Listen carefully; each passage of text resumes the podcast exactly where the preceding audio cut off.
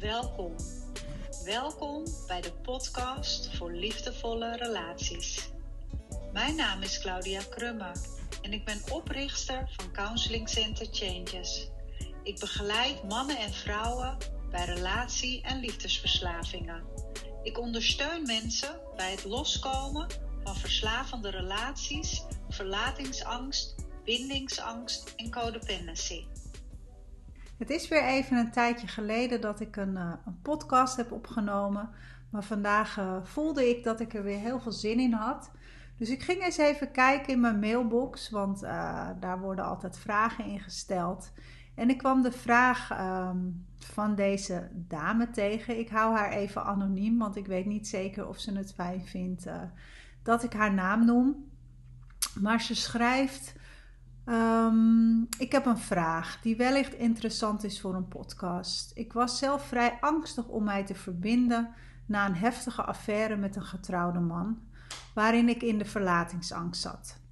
Was mijn vertrouwen in het hebben van een relatie of in mannen gekelderd? Hierdoor kwam ik in mijn relatie daarna in de bindingsangst terecht. Ik schrijf het even op hoor. Dus van de verlatingsangst en vertrouwen verloren, ben je terechtgekomen in de bindingsangst. Mijn partner en ik hebben gelukkig alle tijd genomen om het vertrouwen te herstellen. Hij kon er altijd voor me zijn en had ook begrip voor het feit dat ik soms ruimte nodig had. Ik voelde me zo veilig bij hem dat door de ontspanning ik vaker bij hem wilde zijn en na drie jaar was mijn bindingsangst vrijwel weg en wilden we niets liever dan samenwonen. Maar nu komt het. Mijn partner voelde ineens geen liefde meer en de relatie is verbroken. Ik weet dat dit enerzijds komt omdat hij zelf niet goed in zijn vel zit, maar aan de andere kant heb ik het gevoel dat het verdwijnen van de bindingsangst ervoor heeft gezorgd dat ik te dichtbij kwam. Hij noemde het ook eng en spannend. En voelde hij dit niet aan kon gaan. Is dit een hele gekke gedachte van mij of komt dit vaker voor? Ik vind het een hele mooie vraag en het komt inderdaad vaker voor. En dat komt omdat hè, als je kijkt naar het spectrum en naar de polen aan de ene en aan de andere kant, hè, de polen van verlatingsangst en bindingsangst, um, kan de een dus niet zonder de ander.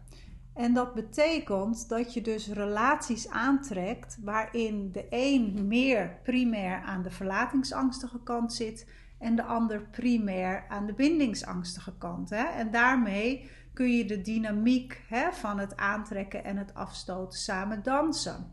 Maar op het moment dat er dus een verandering plaatsvindt en bij de een hè, de verlatingsangst of de bindingsangst wordt geheeld en wordt opgelost, verandert er dus in iets in de dynamiek, um, waardoor er een nieuwe dynamiek ontstaat en de polen dus een andere vorm uh, van relateren tot elkaar moeten vinden.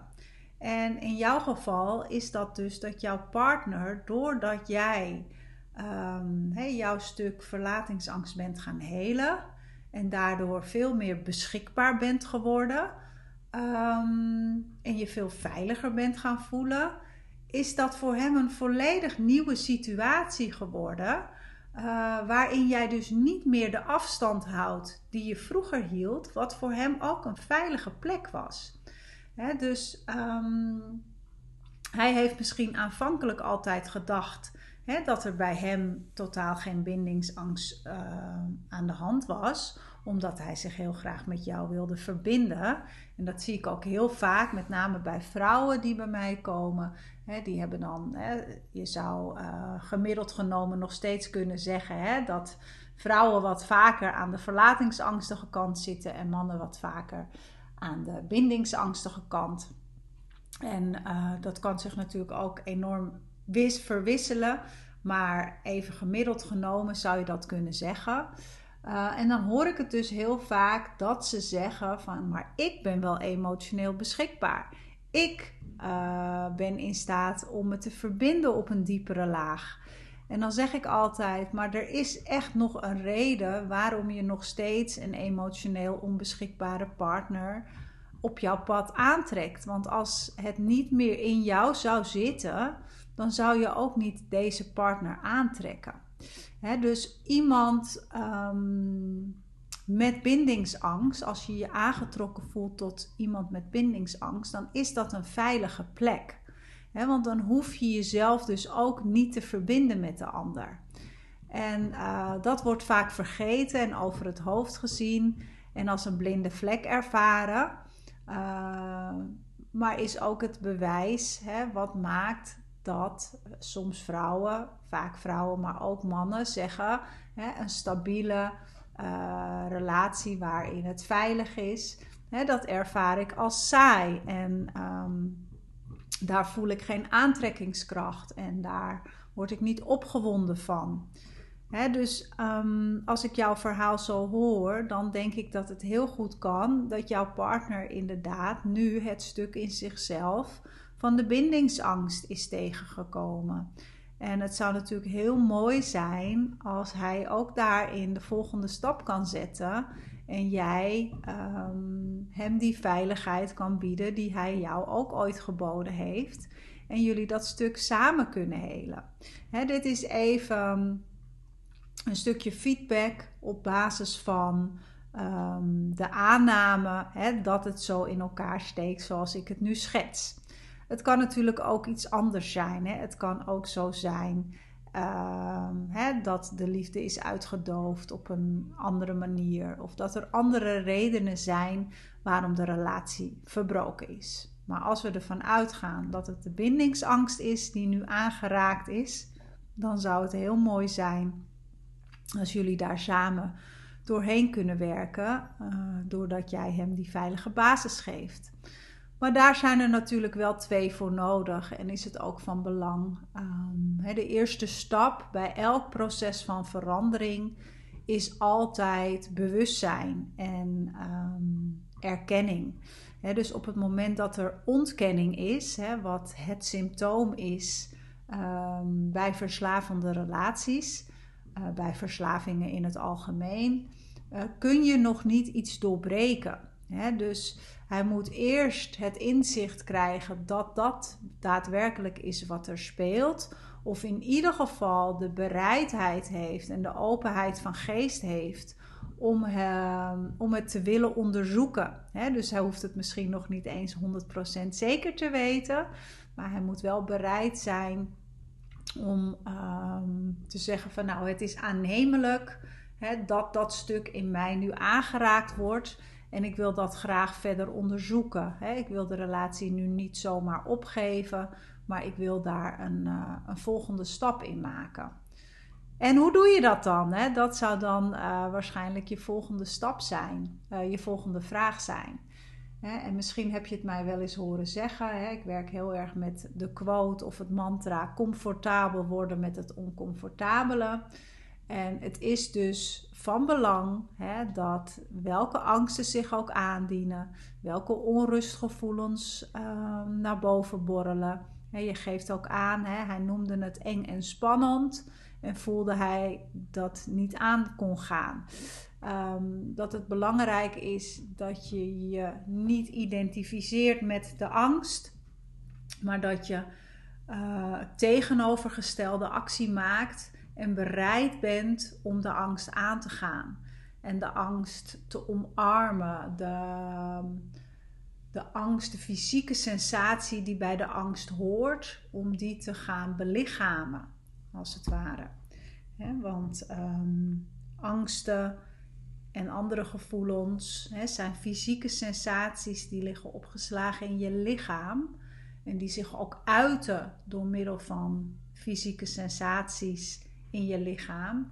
Alleen wat wij vaak gewend zijn, is om die fysieke sensaties weg te drukken en om vanuit ons hoofd, ehm, vanuit een overlevingsstrategie, uh, bijvoorbeeld in de vermijding te gaan dat zou zo kunnen zijn dat jouw partner dat nu heeft gedaan doordat hij de relatie heeft gestopt voordat hij bereid was om comfortabel te worden met het oncomfortabele en de angsten die gepaard gingen uh, met de relatie om die daadwerkelijk te doorvoelen. En ehm, hè, de volgende stap daarin is dan ook om te onderzoeken ehm, waar heeft dat dan zijn oorsprong? Hè? Want het is belangrijk dat je snapt hè, dat het een angst is, een niet reële angst die ervoor zorgt dat je je niet kan binden. Hè? Want dat is ook nog een stapje wat je kunt maken. Dat je gaat onderzoeken van is het een reële angst of is het een irreële angst? Ehm, en bij samenwonen uh, zou je kunnen zeggen dat het een irreële angst is. Ehm, als het gaat over bindingsangst. Hè. Natuurlijk kunnen er ook andere redenen zijn waarom je niet wilt samenwonen. En die kunnen heel legitiem zijn en die kunnen ook heel reëel zijn. dus daarin mag je ook onderzoek doen. En dat is niet altijd even makkelijk. Um, omdat die verschillende delen in jezelf, het volwassen autonome zelf, um, het vermijdende deel, uh, het bindingsangstige deel, uh, misschien je criticus nog. Er zijn allerlei delen um, met allerlei eigen gedachten en eigen gevoelens die allemaal door elkaar heen lopen, waardoor het ingewikkeld wordt om soms het onderscheid te kunnen maken van uh, welk verlangen en welke gevoelens horen nou bij welk deel. is het nou mijn bindingsangstige deel dat niet wil samenwonen? Of is het mijn um, volwassen autonome zelf dat niet wil samenwonen? dus er zijn uh, ja, verschillende, verschillende delen die daar een rol spelen. Goed, nou, ik, uh, ik hoop dat dit wat duidelijkheid heeft gegeven op dit topic. Hè, op de polen van verlatingsangst en bindingsangst, hoe die elkaar kunnen afwisselen. Hè, wanneer de een dus uh, herstelt en heelt van een bepaalde angst, hè, verandert de dynamiek sowieso. Um, omdat ja, de dynamiek dus voor beide een functie heeft. dat is belangrijk om je altijd te realiseren. Dat het nooit zomaar is dat je een partner aantrekt met een bepaald uh, patroon of uh, thematiek. Um, dat dat altijd een functie heeft, ook voor jou. Goed, dan uh, wil ik deze podcast op deze zondagochtend 17 juli hiermee eindigen voor nu. En dan wens ik jullie een hele mooie zondag en uh, tot een volgend moment. Doeg! Super bedankt voor het luisteren naar deze aflevering. Heb je iets gehad aan deze podcast? En denk je dat het ook waardevol voor een ander kan zijn? Deel het dan gerust op social media of aan iemand persoonlijk, op WhatsApp of op Messenger. Op deze manier draag ook jij een steentje bij aan mijn missie. Het is mijn missie om zoveel mogelijk mensen te ondersteunen bij het helen van trauma en oude wonden, zodat iedereen een gezonde relatie met zichzelf kan ontwikkelen en van daaruit ook met anderen. En heb je nou het gevoel dat je meer nodig hebt dan alleen luisteren naar mijn podcast? Neem dan een kijkje op een van mijn websites en onderzoek welke vorm van ondersteuning het beste bij jou past. En kom je er alleen niet uit? Stuur ons dan een mail, dan kijken we graag met je mee. Voor nu wens ik je een liefdevolle dag toe en tot volgende week.